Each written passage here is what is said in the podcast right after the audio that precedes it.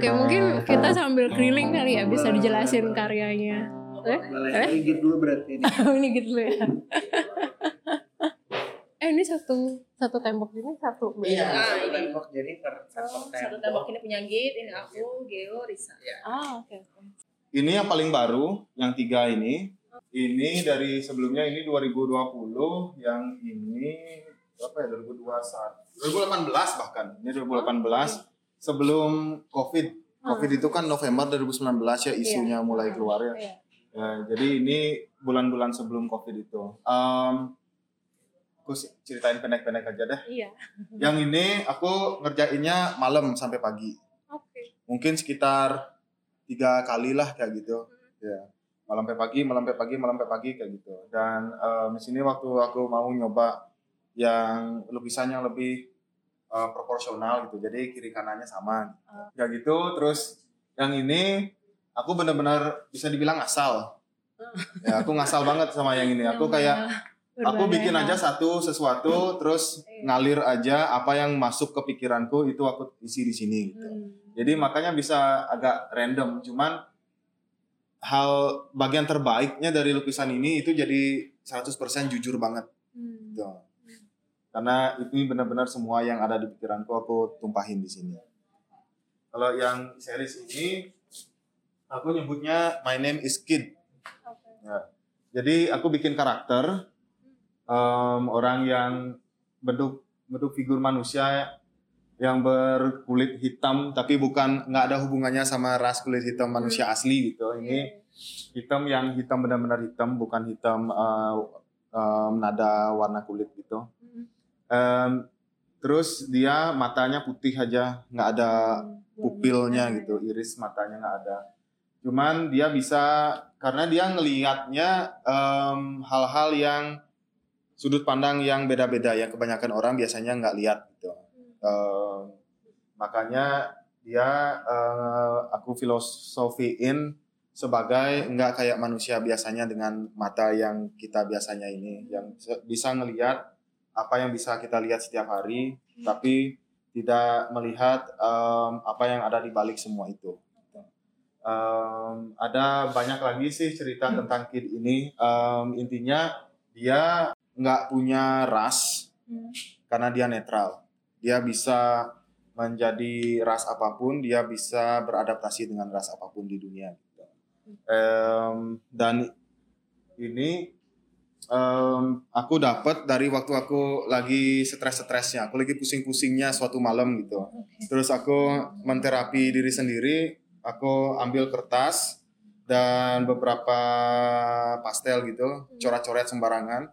Dari sekian banyak coretan yang udah selesai, didapatkanlah em, karakter kid ini. Aku gambar nggak sengaja gitu. Dan pas aku dapat karakter itu, aku langsung ngerasa em, terkoneksi sama si karakter ini dan langsung dapat ide buat ngasih nama kid itu. Gitu.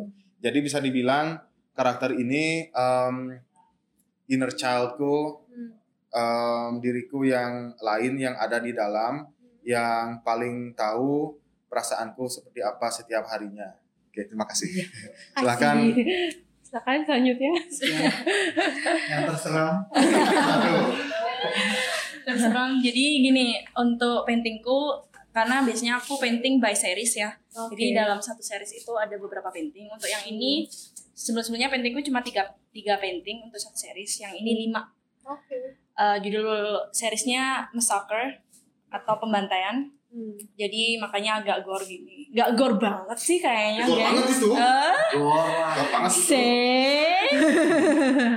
jadi untuk uh, jadi semuanya ini urut dari pertama aku gambar paintingnya nomor berapa gitu ada yang nomor satu ini judulnya Mother What Have You Done to Me jadi ini lebih ke karma keturunan yang aku punya Hmm. jadi uh, ada gambarku yang paling bawah nih ibuku sama nenek emang gak mirip sih ya nggak kayak gitu. Bukan nenekku dan ibuku tapi uh, simbolisnya seperti itu. Iya. jadi kayak ketika kita punya anak terus kita masih belum dewasa Hmm. kita pasti uh, dalam di alam bawah sadar akan melukai mereka juga.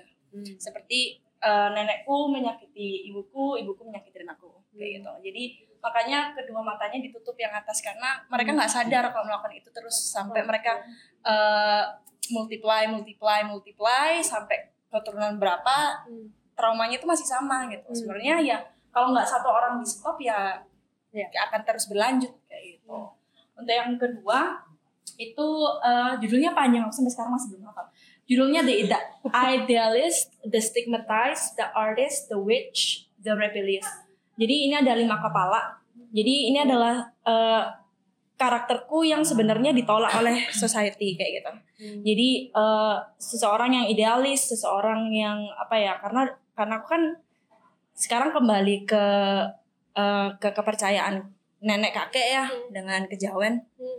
Nah di situ ternyata tidak diterima masyarakat gitu. Padahal itu tuh eh, kepercayaan yang sudah asli dari bumi bumi bumi Jawa gitu. Jadi itu ditolak ternyata gitu karena oh berarti itu nggak nggak punya apa ya ya kita percaya ada Tuhan segala macam tapi tetap aja karena tidak berlabel agama jadi kayak oh nggak boleh itu kayak gitu.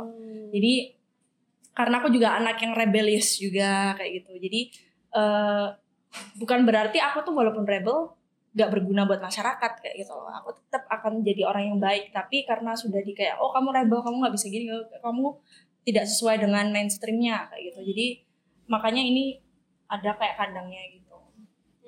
Terus yang ketiga itu eh, judulnya Fever of the Evil Twin Sister.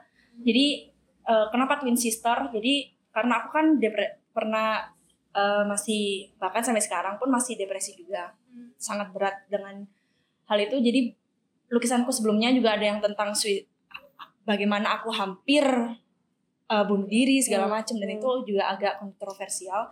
Jadi itu kayak apa ya? Ada sebuah pikiran depresi itu tuh susah dimengerti orang lain gitu. Jadi eh, makanya ini tuh kayak teriak gitu kan. Jadi kayak aku yang ngebunuh dia gitu. Kayak ah, Hmm. rasanya itu kayak gitu karena Hmm. evil twin sister itu depresinya gitu. Oh. Jadi makanya ada ularnya segala macam. Jadi kayak se poisonous itu gitu depression Hmm. itu, sesusah itu untuk Hmm. dihilangkan Hmm. kayak gitu.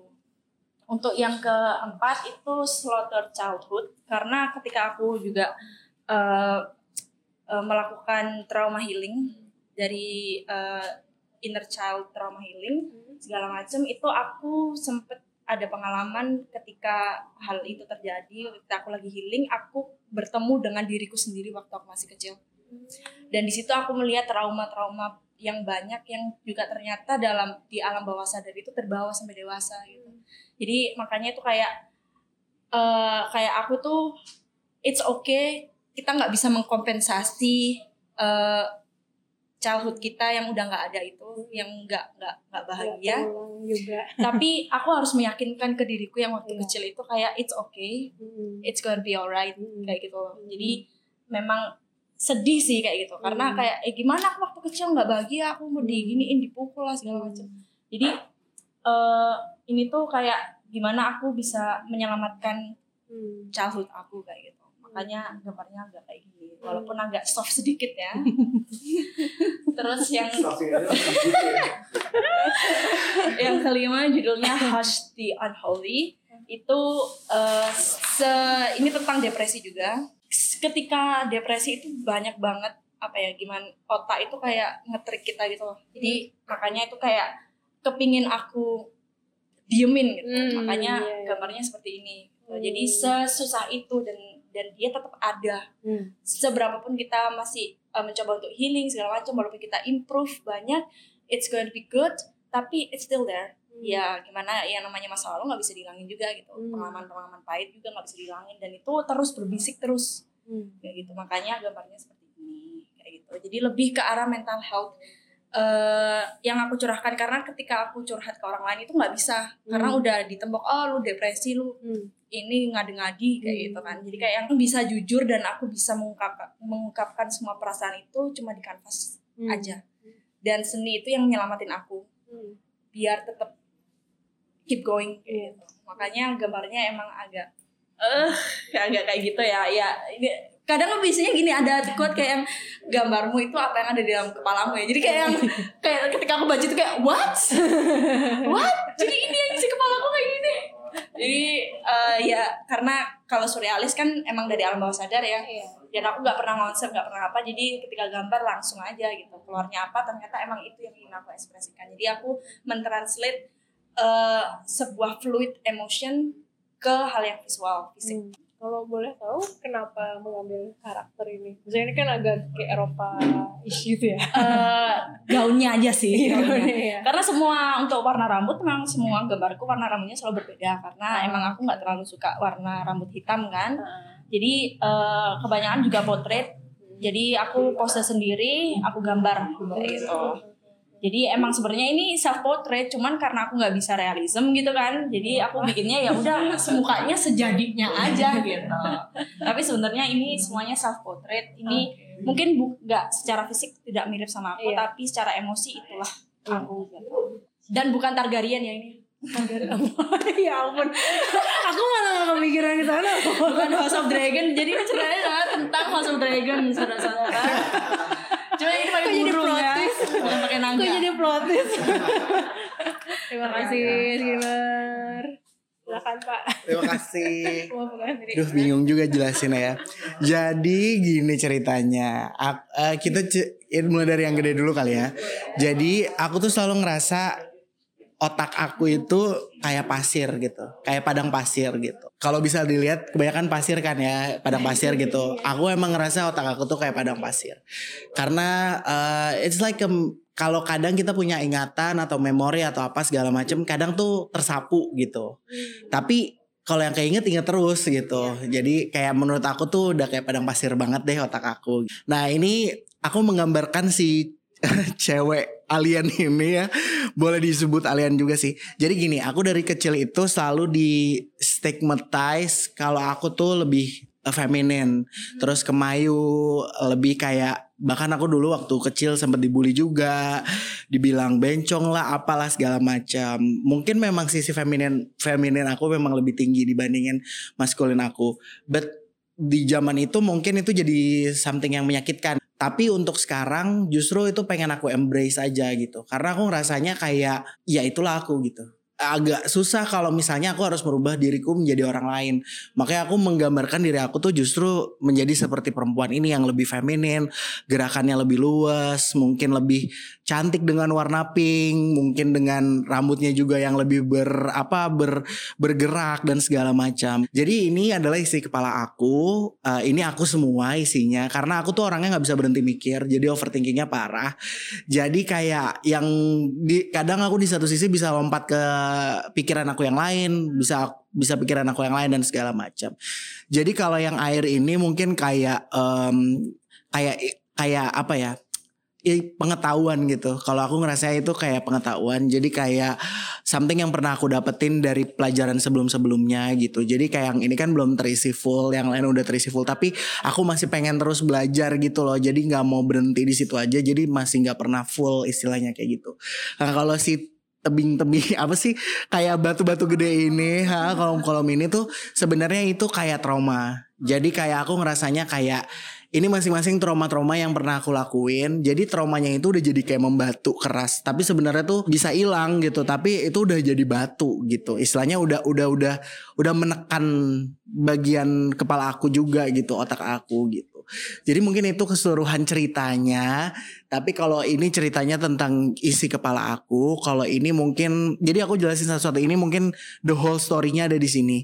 Cuma kalau yang ini ini tuh encounter judulnya. Itu lebih kayak bercerita tentang sometimes kalau pada saat aku kecewa sama omongan orang lain, aku tuh suka denial gitu. Apalagi di zaman kecil kan waktu bisa dikatain inilah dikatain itu gitu. Eh, setiap manusia pasti sedih lah kalau yang namanya dikatain. Jadi mungkin kayak encounter something denial yang bikin aku jadi kayak kesel, marah gitu ya. Kayak kenapa sih harus kayak gini? Makanya judulnya encounter. Makanya aku kayak aku kesel lah istilahnya diomongin kayak gitu. Tapi ya mungkin itu bagian dari diri aku yang dulu. Terus mungkin lebih ke sekarang lebih ke sini karena ternyata trauma-trauma yang ada itu buat aku tuh yang ini ini reach the trauma. Jadi kayak kadang kadang aku tuh suka kayak supaya untuk aku tuh tipe orang yang kalau semakin kayak dikasih hal negatif atau dijelekin sama orang atau dikatain sama orang itu bikin jadi motivasi buat aku loh. Jadi kayak kayak Kenapa aku bikin Rich the Trauma tuh karena aku ngerasa pengennya setiap aku inget traumanya aku jadi lebih semangat untuk jalanin hidup gitu. Karena aku ngerasa selalu ya ini quote yang selalu ada dalam otak aku adalah pada saat kita jatuh yang ke tempat yang paling bawah di dalam diri kita satu-satunya hal yang bisa kita lakukan cuma bangun gitu jadi kayak kalau misalnya kita pernah reach itu lagi dan kita untuk bangun lagi itu jadi kayak jadi kayak reminder untuk kita untuk kayak oke okay, walaupun kita punya trauma itu tapi kita harus tetap bangkit lagi. Kalau yang ini lebih ke ego, lebih ke judulnya self centered karena aku ngerasa kayak aku egois terhadap diri aku sendiri gitu loh. Kadang aku suka berpikir kenapa sih aku selalu mikirin diri aku sendiri dalam dalam otak aku gitu loh. Cara berpikir aku tuh selalu tentang diri aku sendiri. Padahal kan dunia ini luas dan tidak bisa kita tentang diri sendiri gitu. Tapi justru sometimes hal-hal yang kayak gitu yang buat aku ngerasa kayak oh ternyata justru aku kebalik. Kadang orang tuh ngerasa kayak aku tuh terlalu mikirin orang lain. Aku terlalu ngerasa aku punya tanggung jawab terhadap orang tua aku atau saudara aku atau teman-teman aku.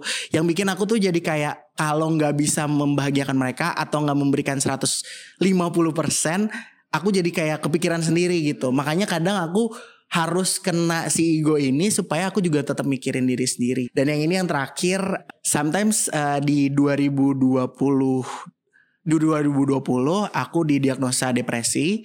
Uh, jadi uh, isi kepala aku seperti ini, uh, aku ngerasa kayak desperate banget karena udah terlalu banyak trauma yang terjadi di dalam otak aku.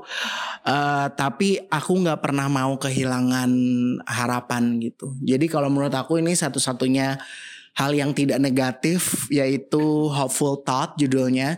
Jadi aku ngerasa kayak even aku banyak uh, punya depresi yang banyak atau punya punya negativity yang banyak, aku tetap harus punya pemikiran yang baik untuk ke depannya. Lagi-lagi hidup kan gak lama gitu ya. Jadi aku bisa aku aku, aku harus bisa berpikir lebih positif dan lebih membahagiakan diri aku sendiri gitu loh untuk ke depannya. Gitu aja sih. Jadi the whole story itu tentang uh, my mental issue sama pemikiran yang ada di, di dalam otak.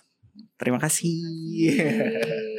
Nah, jadi aku singkat aja sih maksudnya ini kan ini pertama ini series karya pertama aku yang aku bawa ke publik.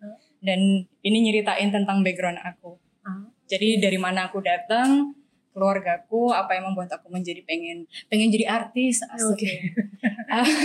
jadi yang pertama itu judulnya sisters oh um, flashback jadi background keluarga aku tuh mainly perempuan hmm. kita um, single mother hmm. punya 11 anak oh, dari satu ya dari satu ibu single mother 11 anak dan tujuh dari kita perempuan hmm. satu sampai lima itu perempuan aku nomor lima oh, okay. jadi um, sebagai cewek kan biasanya cowok nih yang um, ambil alih tulang hmm. punggung keluarga tapi mereka masih kecil-kecil gitu. Jadi mau nggak mau kita sebagai cewek harus mengambil alih itu gitu.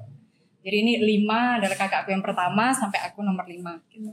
Karena aku um, mereka itu fondasi aku gitu. Yang hmm. membuat aku sampai aku jadi aku yang sekarang gitu. Tanpa mereka kita nggak bakalan survive. Hmm. dan mungkin memang ya unfortunately accidents gitu kan um, parents kita nggak work out tapi hmm. itu yang bikin kita stronger together gitu. Hmm. Jadi yang pertama aku dedikasiin itu untuk mereka. Okay. Dan yang kedua um, ini called mother and daughter. Hmm.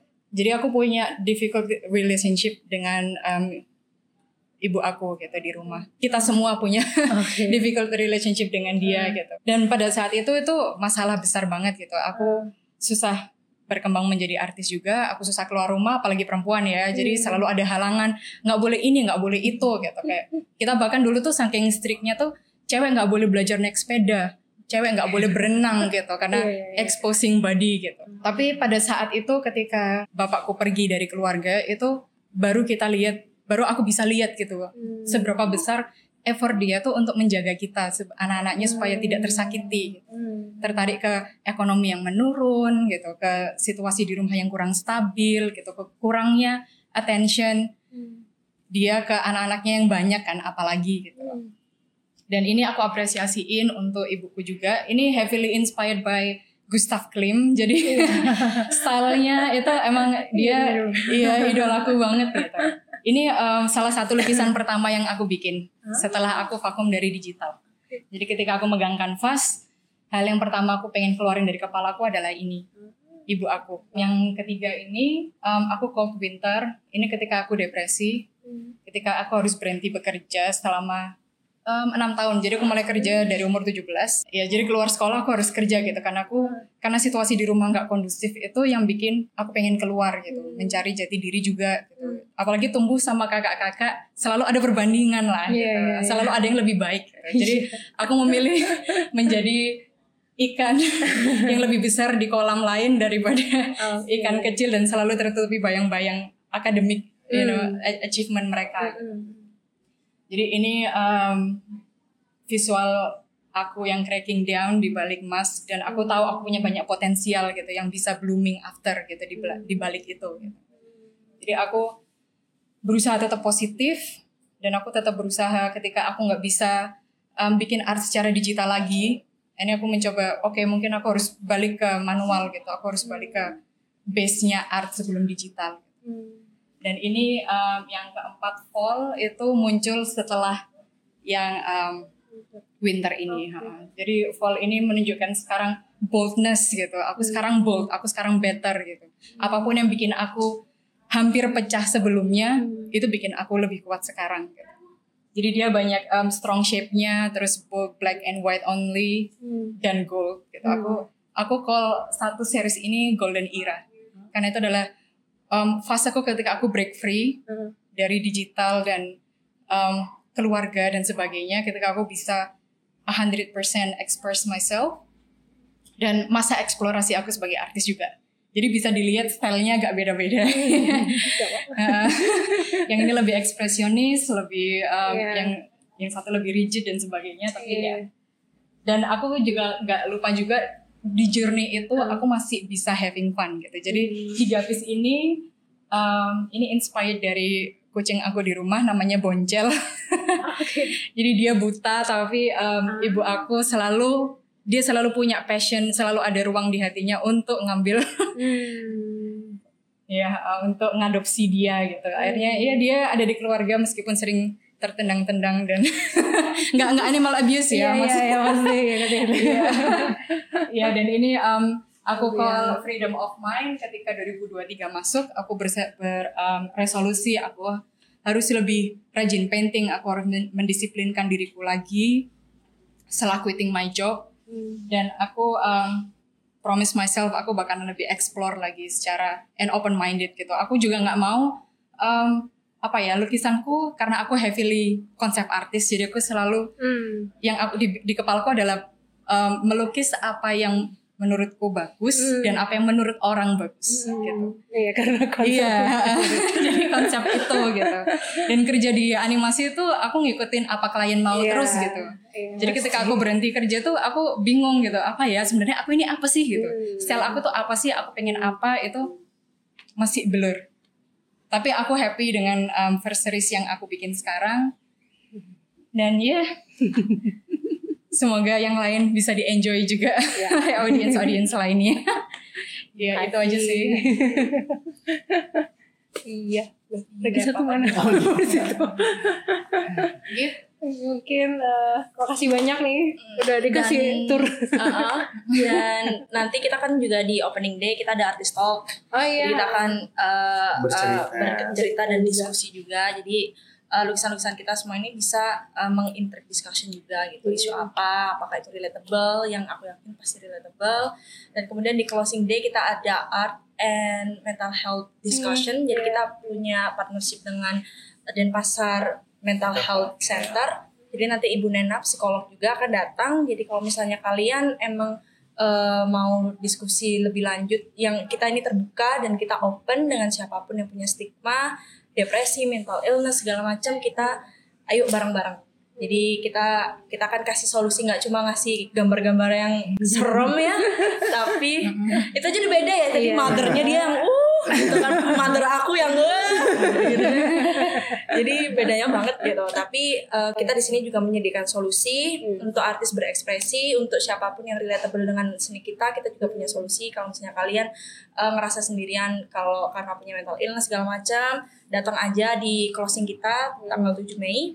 Hmm. Itu sekitar jam 4 ya, Ge? Ya. Empat. Jam 4 di Umas Minyak tetap. Nanti akan ada Olen Rianto eh, untuk artis to- eh, art talk-nya, untuk yang eh, mental health discussion-nya dengan Ibu Nena, psikolog juga. Di situ dan juga untuk semua pendengar Rupa Bali ya eh, di opening, closing dan workshop aku yang untuk skinner Orami, aku akan kasih diskon 10% untuk pembelian semua merch di opening dan closing dan juga workshop aku. Jadi tinggal bilang aja kodenya apa ya? Kodenya apa? Rupa Bali di Stigma. Wah. Ntar kamu mau beli merchandise pakai Rupa Bali di Stigma. Oke, 10% off. Wow. Dan workshopnya juga ya. Jadi daftar aja.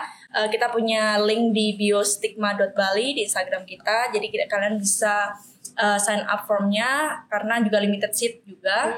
Jadi datang aja untuk lihat seninya, lihat artis eh, artis-artisnya ngobrol bareng kita. Kita open banget eh, untuk eksibisi debut kita ini ya. Kita mau yang cetar, cetar, cetar. Semua story stigma. Kalau dia mau menambahkan. Git, mau nambahin gak? Oh ya, udah disebutkan semua sih kayaknya. Pokoknya jangan lupa datang deh tanggal 21. Itu aja intinya. 21 April Umas Minyak jam 5 sore jangan telat ya guys. Biar nggak marah. artis talknya juga jam 5 kan. Iya, Iya. jam 5. Kita cepet. Kayak kita kita ada posternya juga. Udah. kan udah ada posternya juga di Rupa Bali. Di at Rupa Bali Podcast. Jadi boleh dicek di sana. Yeay. Mungkin Thank you so apakah much. ada ini hal-hal terakhir sebelum di Udah sih Sampai- kayaknya. Aku udah. Iya itu aja. Selamat liburan dan Idul Fitri untuk yang merayakan. Liburannya di kita aja. Yuk Mas ke rumah liburan. Kalau kebetulan liburan di Bali Kebetulan. butuh Iya, aktivitas silakan datang ke Stigma. Di sini deket La Favela juga. Jadi kalau habis dari sini mau party boleh. Wow. Gitu kan. udah normal ya. Jadi boleh banget. Baik, terima kasih banyak ini. Ya, Thank you Iya, banget. selama ini Udah bisa datang. Terima cerita-ceritanya sangat menginspirasi. Semoga menginspirasi yang lain juga. Iya. Kasih. Terima kasih. Demikian episode kali ini. Eh, semoga bermanfaat. Eh, jangan lupa eh, follow Instagram kami di @rupabali_podcast untuk update-update selanjutnya dan juga silahkan kirim eh, kritik saran di email yang tertera di Spotify kami. Sampai jumpa di episode selanjutnya.